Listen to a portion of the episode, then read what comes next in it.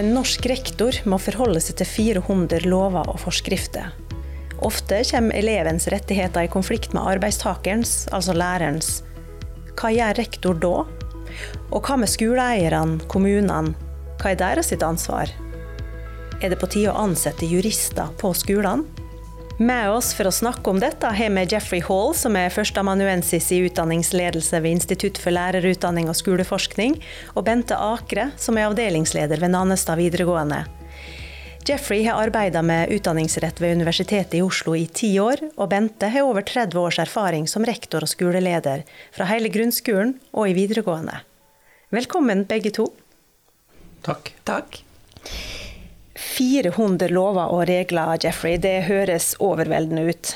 Hva handler egentlig juss om i en rektor sin hverdag? Ja, det handler ikke først og fremst eh, om å pugge lovverket, eh, for det er det ingen som kan gjøre, selv ikke en, en godt utdannet jurist. Men det handler om å ta juridiske avgjørelser i hverdagen eh, uten nødvendigvis å ha formell juridisk eh, kompetanse. Eh, og I dette arbeidet så er det jo tilknyttet veldig mange dilemmaer, altså både juridiske og pedagogiske, altså hvor man må veie opp ulike hensyn eh, opp mot hverandre. Og dette kan man kanskje si er det som man på norsk kan kalle for, for bakkeplansbyråkrater. Og da tenker jeg litt på en, en veldig kjent og mye referert til lærebok, eller en, en, bok av en som heter Lipsky, som kom ut i 1980, som, hvor han skrev om Eh, det han kalte for street level bureaucracy. Altså hvor, hvor uh, hverdagsmannen, altså mannen på gata på en måte, tar juridiske avgjørelser uh, og andre avgjørelser uten nødvendigvis å ha formell kompetanse. Det handler også om at man må utvikle veldig gode rutiner på forhånd. Prosedyrer eller retningslinjer. Så når man står overfor disse dilemmaene, så kan man ta gode avgjørelser med, med bakgrunn i lovverket, men også i, hvor man tar hensyn til disse pedagogiske Eh, til det pedagogiske innholdet i skolen mm. og i klasserommet. Så hvis jeg er lærer og skal begynne på en skole, møte rektor, um, når begynner Altså hva kan være et hva kan være juridiske problem han møter da?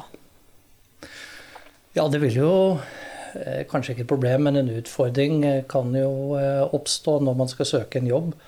Eh, og i forbindelse med den jobbsøking eller ansettelsesprosessen så er det jo knyttet til eh, veldig mange lover og forskrifter. Eh, F.eks. når man hvis, hvis, man finner ut at den personen kanskje ikke nødvendigvis egner seg i den stillingen, så, så er man inne på bestemmelser om oppsigelse.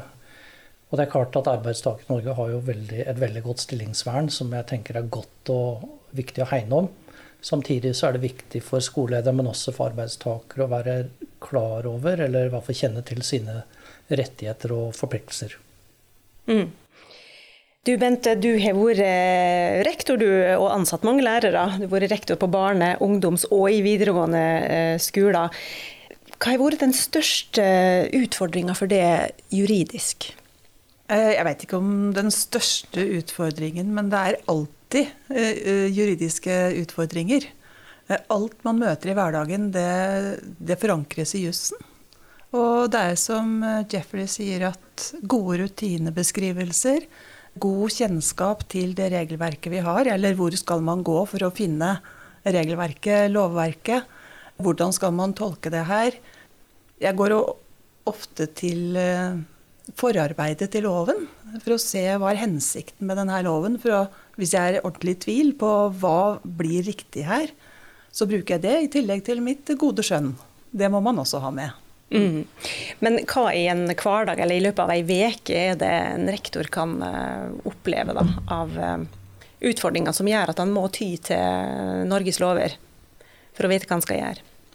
Hvordan han skal løse en situasjon? Det er alt fra arbeidstakers rettigheter til eh, f.eks. ved sykdom. Da. Hvis en arbeidstaker blir syk, kanskje over en lengre periode. Og det må skaffe vikar til eh, elever, slik at de får oppfylt sine rettigheter med en god opplæring. Og så skal du bevare et godt skolemiljø for disse elevene. Og det å oppfylle både arbeidstakers og elevers rettigheter, da kan du fort uh, gå i en spagat.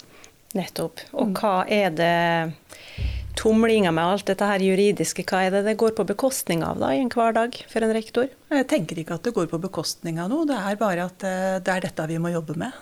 Eh, det er jobben vår. Mm. Og dokumentasjon er jo viktig i eh, alt arbeid som foregår på skolene. Fortell litt om det. Når vi f.eks. får en en elevsak som vi bruker paragraf 9 eh, i opplæringsloven, den 9a, så er eh, både aktivitetsplikt og dokumentasjonsplikt grundig beskrevet. Og det er likedan når det er arbeidstakers eh, rettigheter som skal oppfylles, så er det dokumentasjonsplikten som, som trår til. Vi må skrive ned og dokumentere hva vi gjør. Både for vår egen del og for elevers eller arbeidstakers del. Mm. Mm. Kan ikke du fortelle litt mer om dokumentasjonsplikta, og hva den skal, hvorfor er hun der? Ja, eh, Dokumentasjonen f.eks. til eh, det arbeidet man gjør på skolen, eh, den er veldig viktig og avgjørende. Og det handler om først og fremst å kunne ha si, sy saken i orden for ettertid dersom det kommer noen inn og kontrollerer en bestemt sak. Det kan f.eks. være statsforvalteren som vi kanskje skal snakke om etterpå. Mm. Men det er en helt nødvendig del av jobben, og det er klare føringer eh, her eh, gjennom, gjennom lovverket. Vi vet jo samtidig fra f.eks. Eh, Thales-undersøkelsene, som gjennomføres med gjennom mellomrom, at veldig mye tid går med til, til ulike administrative oppgaver for skoleledere. F.eks. Å, å treffe eller å, å ta juridiske vedtak, eller å skrive vedtak. Eh, og her blir det da en balanse, som vi vet, eh, mellom eh, å bruke tid på det administrative i forhold til å drive faglig og pedagogisk utvikling sammen med lærerne sine. Mm.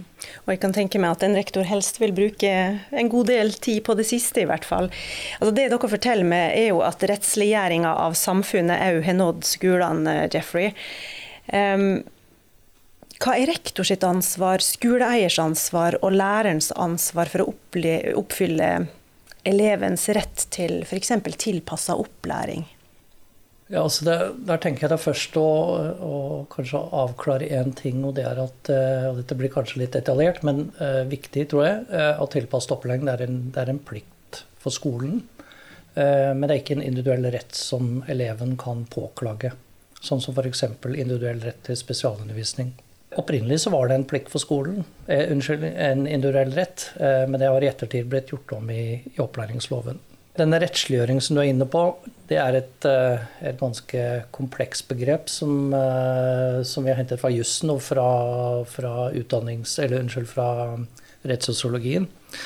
I korte trekk så handler det rett og slett om at man i større og større grad i samfunnet, ikke bare i skolen, har et økt fokus på, på jussen. Og for skolen sin del så handler det rett og slett om at eh, det som kanskje var tidligere sett på som pedagogiske utfordringer, utfordringer eh, det får i dag i større grad juridiske implikasjoner, eller kan føre til noen eh, noe, noe, noe rettslig i, etterkant av disse avgjørelsene. Og et, kort, et, konkret eksempel på det er at, eh, som vi vet, som du snakket om innledningsvis, var at, eh, at både foreldre og elever har blitt i større grad klar over sine individuelle rettigheter. Eh, og så er det en annen generell utvikling, eller utviklingstrekk som vi ser i samfunnet. Og det er større, større vektlegging av individuelle hensyn og individuelle rettigheter Kanskje på bekostning av eh, det kollektive, som eh, samfunnsmessig var nok mer opptatt av tidligere. Mm. Du nikka, Bente. Mm. Vi merker det godt på skolen, syns jeg. Eh, at elever er mer bevisste på sine rettigheter. Og, og kommer både til lærer og til oss ledere med, med det, sammen med foreldra sine. Så vi håndterer det eh, mye oftere nå enn vi har gjort før. Mm. Det kan jeg bekrefte. Er de like opptatt av pliktene sine? For det har kanskje noen plikter òg, elevene? Elever har plikt eh, til å møte til opplæring. Og til å delta aktivt i opplæringa, slik at det er mulig å gi dem en god vurdering. Og de pliktene, de eh, ja, Vi jobber jo mye med dette med frammøte i videregående skole, som jeg jobber nå. Og pandemien har jo virkelig satt litt på prøve der. Men for mye fravær er blitt godkjent som, som ikke tellende da, i forhold til hva som skal være karaktergrunnlag.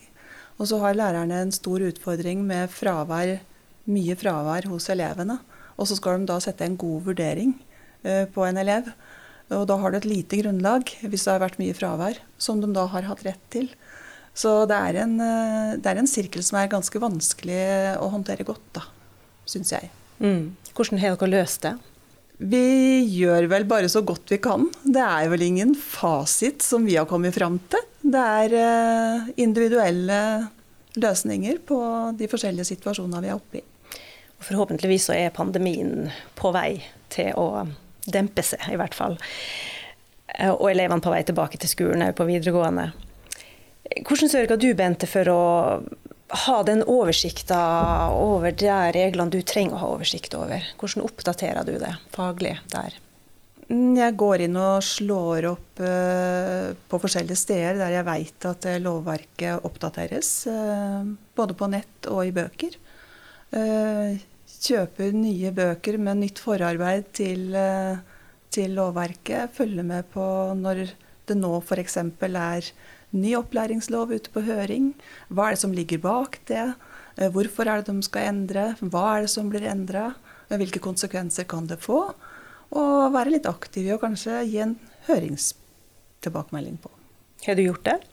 Ikke enda. Men du tenker å gjøre det? Ja. Så bra. Jeffrey, la oss gå tilbake til kapittel 9a i opplæringslova som, som er i dag. Um, alle barn og unge har rett på et godt lærings- eller skolemiljø. Um, hva er det, og hva er forskjellen på lærings- og skolemiljø? Ja, det, det, er et interessant spørsmål. Um, dette begrepet kom jo for første gang inn i lovverket uh, i grunnskoleloven i 1969 allerede. Eh, det var jo den gangen rettet mer mot eh, måte det kollektive i, i skolen. Eh, og så har det jo senere, i forbindelse med omarbeidelse til opplæringsloven som kom i 1998 med senere revideringer, så kom dette inn som en, en individuell rett. Og, og, så fikk man da en, en innskjerping eller en endring sommeren 2017, eh, som gjorde at skolen måtte på en måte sette seg inn i mange nye føringer i lovverket, eh, men også eh, en klar bestilling eh, på hva skolene måtte gjøre dersom f.eks. en elev melder fra om krenkelser, mobbing eller annen, eller annen kall det uheldig oppførsel. Mm. Mm. Bente, kan skolemiljøet sammenlignes med et godt arbeidsmiljø? Det syns jeg er en god sammenligning. Elevene skal ha det bra når de er på skolen for å fungere best mulig. Vi kan jo tenke på arbeidsmiljø for de voksne, der også det psykososiale arbeidsmiljøet er fokusert. Eh, og vi skal ha det bra på jobb, og elevene skal ha det også bra på skolen. For det legger igjen en grunn for god læring. Så det er viktig, og det er absolutt en parallell. Mm. Hva er den store utfordringa med å lage et godt skolemiljø der du har jobba tidligere, og tenker med utenom pandemi? Jeg tenker at vi hele tida må ha det høyt oppe. Eh, jobbe forebyggende. Eh, jobbe for at det skal være et godt miljø. Eh, så fort vi oppdager at det er en liten sak, så tar vi tak i den istedenfor å la det bli stort. Slik at vi er våkne, årvåkne for det som beveger seg mellom elevene. Og dyktige lærere som tar tak i saker, det er jeg veldig heldig å ha fått jobba mye sammen med. Mm. Mm. Hva med elevene sjøl, er de involvert i det arbeidet her? Det er de, absolutt. De kommer og sier ifra både sjøl når det gjelder seg sjøl, og om klassemiljø. Så elever er flinke til å kommunisere om slike ting. Så tenker de på den grensen mellom det å si ifra og det å sladre. Og da sier vi at dette her er ikke å sladre, dette her er å, å sørge for at vi har det bra. Ikke sant. Mm. Jeffrey, har du noen eksempel på såkalt krevende elevsaker der lovverket, altså kapittel 9a, har blitt aktivert? Jeg tenkte vi kunne starte litt med å eller, Da vil jeg starte litt med å si litt om uh, hva statistikken forteller. Mm. Uh, da dette kom inn i, eller denne endringen kom inn uh, sommeren 2017, så fikk man i løpet av de første tolv kalender, eller de tolv månedene etter endringen, så fikk man ca. en tidobling i antall klagesaker nasjonalt som gikk til det som i dag heter Statsforvalteren. Nå har jo med det pandemiåret bak oss, så har antall klagesaker på, på 9A, altså fra elev eller, foreldre, eller eventuelt samme foreldre, den har jo gått noe ned. Men fortsatt så, så er tallet mye høyere enn enn før den lovendringen. Samtidig så vet vi at denne lovendringa har virket en stund, så, så skolene har fått tid på seg til å lage seg noen gode rutiner med bakgrunn i kravene i lovverket. Men sakene varierer jo veldig eh, i alvorlighetsgrad, for å bruke et sånt begrep. Eh, så det er litt vanskelig å si noe generelt om det. Men det, det sier litt om, om statistikken. Og, og, det er klart, dette er jo også krevende for statsforvalterembetene å håndtere. Altså den, den store mengden med med klagesaker på 9A, eh, som er en rett som eleven har, riktignok, men som eh, kommer i tillegg til de andre oppgavene som statsforvalterembetene jobber med. Tilsyn, eh, klagesaker på, eh, på standpunkt og eksamenskarakter osv. Mm. Vi skal komme litt tilbake til det, men eh, kan du, jeg vet ikke om du sa det, hvor mange saker er det snakk om i året? Eh, altså Fra året før, eh, før, denne endringen så var det så vidt jeg husker ca. 180 klagesaker nasjonalt. Eh, de tolv månedene etterpå, etter lovendringen kom, så var det ca. 1700 saker. Formidabel økning, altså. Mm. Ja, Bente. Eh, hvordan ser det her ut eh, nede på bakken på skolene? Mm, de sakene som kommer opp til 9A, det er, det er, noen ganger konflikter mellom elever som de har med seg fra fritida. Og på fritida så skjer det jo mye både på sosiale medier og, og ute, på, ute på kvelder. Så konflikter som oppstår mellom venner, ikke venner lenger. Så poster man kanskje på sosiale medier noen bilder som ikke man ønsker. Og så er det andre konflikter som også oppstår, som man drar med seg da inn i skolehverdagen sin. Man går på skole sammen med de som man har denne konflikten med på fritida. Så blir det et dårlig miljø i klassene av det her. Noen ganger så har jeg jo opplevd at det fører til slåsskamper òg. Og da, da, er det viktig å gripe inn ganske fort, da. Eh, ganske umiddelbart. Men det er det jo viktig uansett. Men eh, når de begynner å å slåss, så tenker vi at her er det i hvert fall ganske um, det dyptgående konflikt mellom disse som eh, vi faktisk må hjelpe dem med. Mm. Så da og bruker vi NIA. Nettopp. Ja. Og hva skjer da, Jeffrey? Ja, Hvem blir involvert? Eh, da er det jo først og fremst skolens ledelse. Uh, selvfølgelig elevene. Uh, både, altså begge partene. Både, både kalle overgriper og den som er eh, offeret. Det kan også være flere involverte, selvfølgelig. Og så må jo foreldre kobles inn her også i, i samtaler. Eh, og her handler rett og slett om for skolens ledelse, eventuelt sammen med, med skoleeier, om det er nødvendig å koble inn skoleeier, eh, altså kommunen, eventuelt fylkeskommunen hvis det er videregående, så, så handler det om å kartlegge eh, best mulig hva som har skjedd, altså belyse saken Eh, med bakgrunn i bl.a. forvaltningsloven, som setter eh, tydelige krav på det. Mm. Ja, det høres jo litt sånn skremmende ut å skulle eh, bli rektor da, når, i det landskapet her, men, men de er jo ikke alene om det her. Om å løse det, som du, som du er inne på. Fortell litt om tilsynsordninga, hva den er laget for. Ja, dette har jeg jo skrevet en avhandling om, så vi kunne egentlig hatt en egen podkast om tilsyn. Men jeg skal ta litt sånn kort. Altså, tilsyn, det finnes veldig mange former for tilsyn. Men når det gjelder tilsyn i skolen, så tenker man kanskje først og fremst som eh, det man kaller felles nasjonalt tilsyn. Det ble tidligere gjennomført av fylkesmannsembetene eh, når det gjelder offentlige skoler, og Utdanningsdirektoratet når det gjelder eh, friskolene. Eh, nå er det jo statsforvalterembetene, som det heter i dag, som, som, utfører det i de offentlige skolene. Eh, det finnes veldig mange ulike former for tilsyn, og i det arbeidet som jeg gjorde i doktoravhandlingen, så handlet det om eh, felles nasjonalt tilsyn.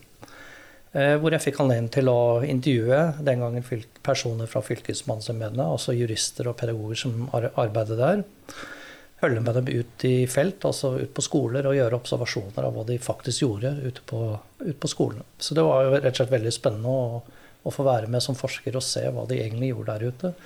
Hva de fokuserte på, hva de snakket om, eh, og hvordan de skrev opp disse tilsynsrapportene og presenterte dem for skolene.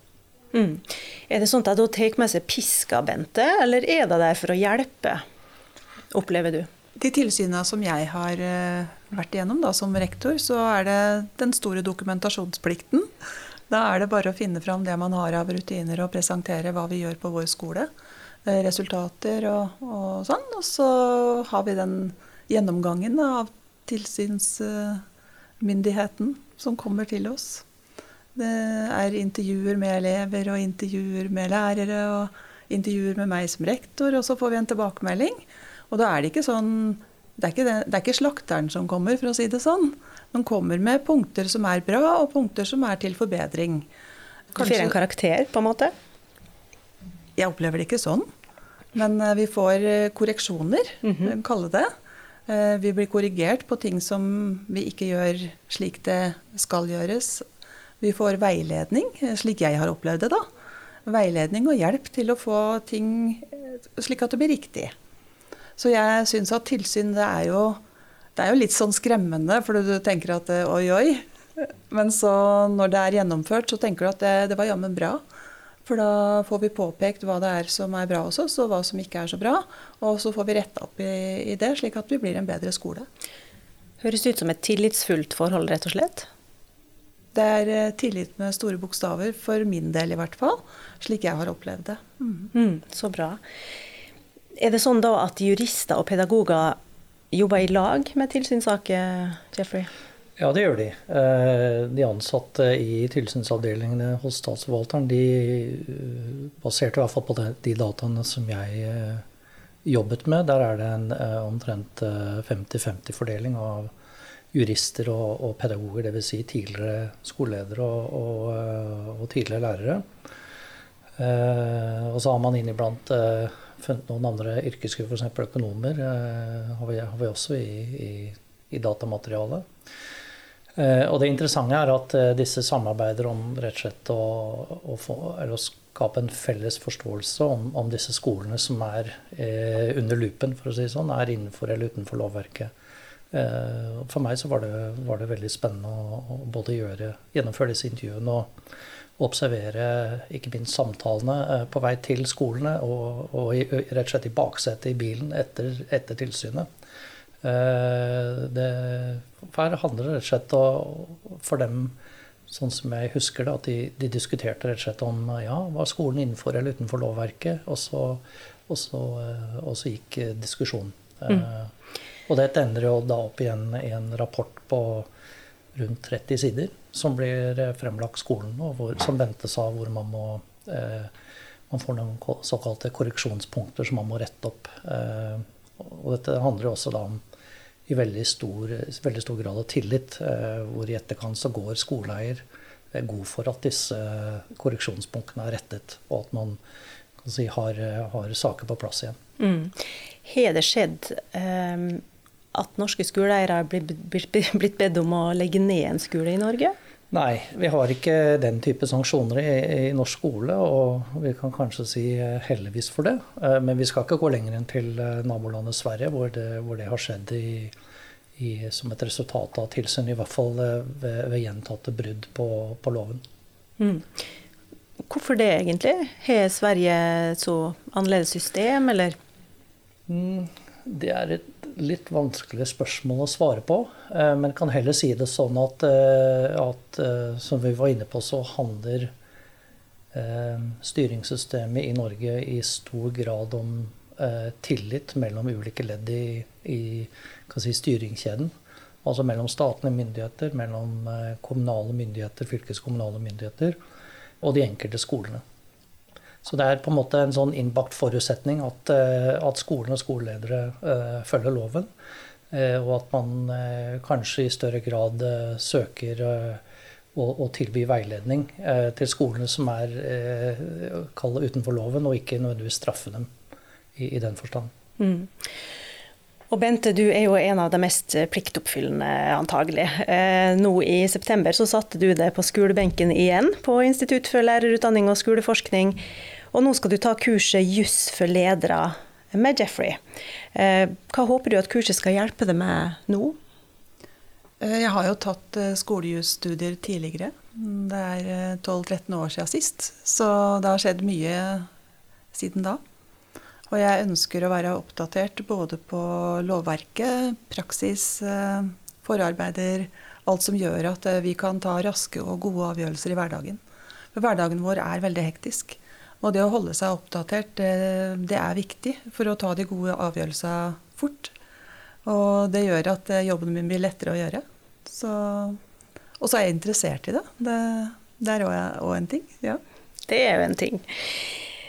Så rettsliggjøringa av samfunnet har òg nådd skolen og barnehagen. Um, Foreldre og elever er blitt mer bevisste på sine individuelle rettigheter, og skolene har blitt mer bevisste på forpliktelsene sine. Jeffrey, dette kan jo kanskje skremme noen fra rektorgjerninga. Hvilke råd vil du gi skoleledere som kanskje føler seg overvelda? Jeg tror jeg skal være litt forsiktig og gi noen generelle råd til, til skoleledere. Jeg har selv vært mellomleder i skolen, nå er det ti år siden, og ting har kanskje endret seg eh, en del siden den gangen. Men jeg tror eh, det rådet jeg kan gi fra, fra mitt ståsted, eh, det er at det handler rett og slett om å skaffe seg god juridisk kompetanse. Om man ikke har den juridiske kompetansen, så må man vite hvor man skal finne kunnskapen for å treffe de gode juridiske Eller gjøre de gode juridiske beslutningene. Og samtidig ha god tro på sitt profesjonelle skjønn. Eh, som igjen eh, forutsetter også at man har god støtte fra, fra arbeidsgiver, altså skoleeier. Mm. Jeg får spørre det da til slutt, Bent. Eh, hva er det som gjør at du faktisk holder ut i den rolla, til tross for det hektiske og kompliserte hverdagslivet?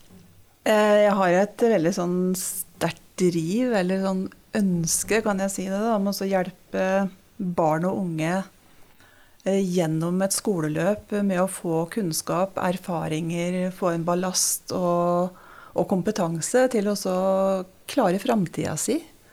Eh, Sjøl om vi kanskje setter noen rammer for dem og, og, er kanskje litt strenge med dem noen ganger og går litt i krangel med dem noen ganger, så er alt eh, vi gjør med tanke på barnets eller ungdommens beste. Eh, hva slags ballast trenger de med seg inn i framtida si. Og Det er det vi prøver å gi dem, og det, det syns jeg er veldig eh, givende å jobbe med. Mm. Kjempefint. Tusen takk for en kjempeinteressant samtale, Jeffrey Hall og Bente Akre. Takk for at du hørte på denne episoden av Læring, som ble researcha av Magnus Heie og Monica Bjermeland, og produsert av Shane Colvin. Du finner oss på Det utdanningsvitenskapelige fakultets nettside eller Facebook-side, og på Spotify og i iTunes. Mitt navn er Monica Bjermeland. Vi høres.